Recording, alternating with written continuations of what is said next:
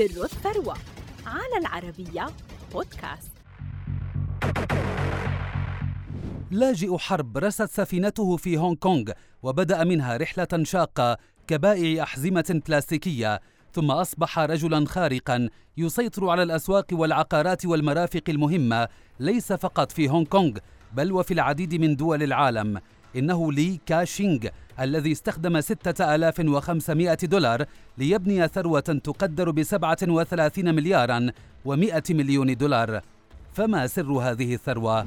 ولد لي كاشينغ عام 1928 في مقاطعة غوانغ دونغ الصينية وكان والده مديرا لمدرسة قبل أن يقع الغزو الياباني للصين في عام 1940 وهو ما دفع العائلة للفرار إلى هونغ كونغ في غضون ثلاث سنوات من وصولهم إلى هونغ كونغ توفي والده فوقع على المراهق لي حمل كبير في إعالة الأسرة. عمل لي في شركة لتجارة البلاستيك وكان دوامه يمتد لنحو 16 ساعة يوميا حيث كان يبيع أحزمة البلاستيك لكن طموحه كان أكبر من ذلك بكثير ففكر بأن يبدأ عمله الخاص في وقت مبكر.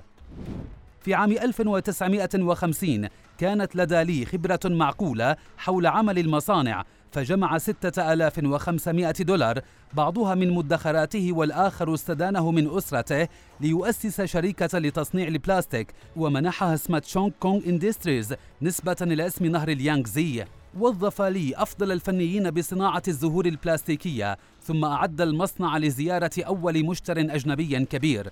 انتهت الزيارة بطلب المشتري كمية كبيرة لتبدأ مسيرة لي كبائع دولي للزهور المصنعة ثم أصبح بعد بضع سنوات أكبر مورد للزهور البلاستيكية في آسيا.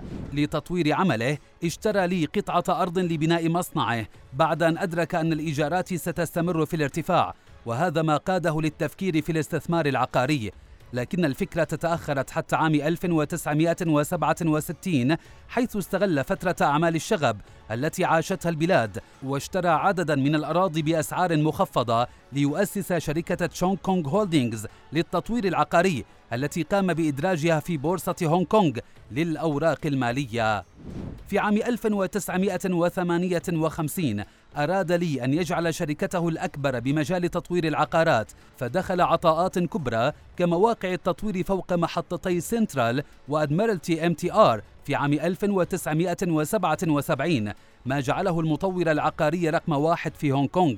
كما كان بطلا للعديد من الصفقات الكبرى كبيع أحد مبانيه في هونغ كونغ بما قيمته 40 مليارا و200 مليون دولار. في إطار أكبر صفقة بيع للعقارات المكتبية بمنطقة آسيا والمحيط الهادئ كما باع مجمع سينشيلينغ في شنغهاي مقابل مليارين وخمسة وتسعين مليون دولار في صفقة اعتبرت ثاني أكبر صفقة بيع لمبنى واحد. عمل لي على توسيع نفوذه العقاري بالاستحواذ على شركة هوتشيسون وامبوا Company Limited ليصبح مسيطرا على 12 من مرافق موانئ الحاويات العالمية خاصة في هونغ كونغ وكندا والصين والمملكة المتحدة وروتردام وبنما وجزر البهاما وبعض البلدان النامية الأخرى.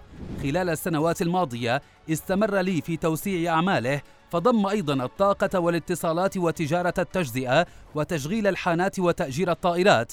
ومع دخول عصر الرقمنة وجد لي أن البقاء والاستمرارية يتطلبان التوجه نحو الاستثمار في مسارات العالم الجديد. فدعم مشروعات تكنولوجية عدة واشترى حصصا بموقع التواصل الاجتماعي فيسبوك. في عام 2018 وبعد نحو 46 عاما على توليه منصب رئيس مجلس الإدارة تنحى لي ليصبح كبير المستشارين لشركتي CK Asset Holdings Limited و CK هوتشيسون Holdings Limited أراد لي من مجموعته أن تكون كنهر اليانغزي الذي يتدفق عبر الصين ويجمع عددا لا يحصى من الجداول والروافد حتى بات يكنى شعبيا بسوبرمان فبعد أن كان مراهقا يتيما يعيل أسرته أصبح رائد أعمال وأغنى رجل في هونغ كونغ.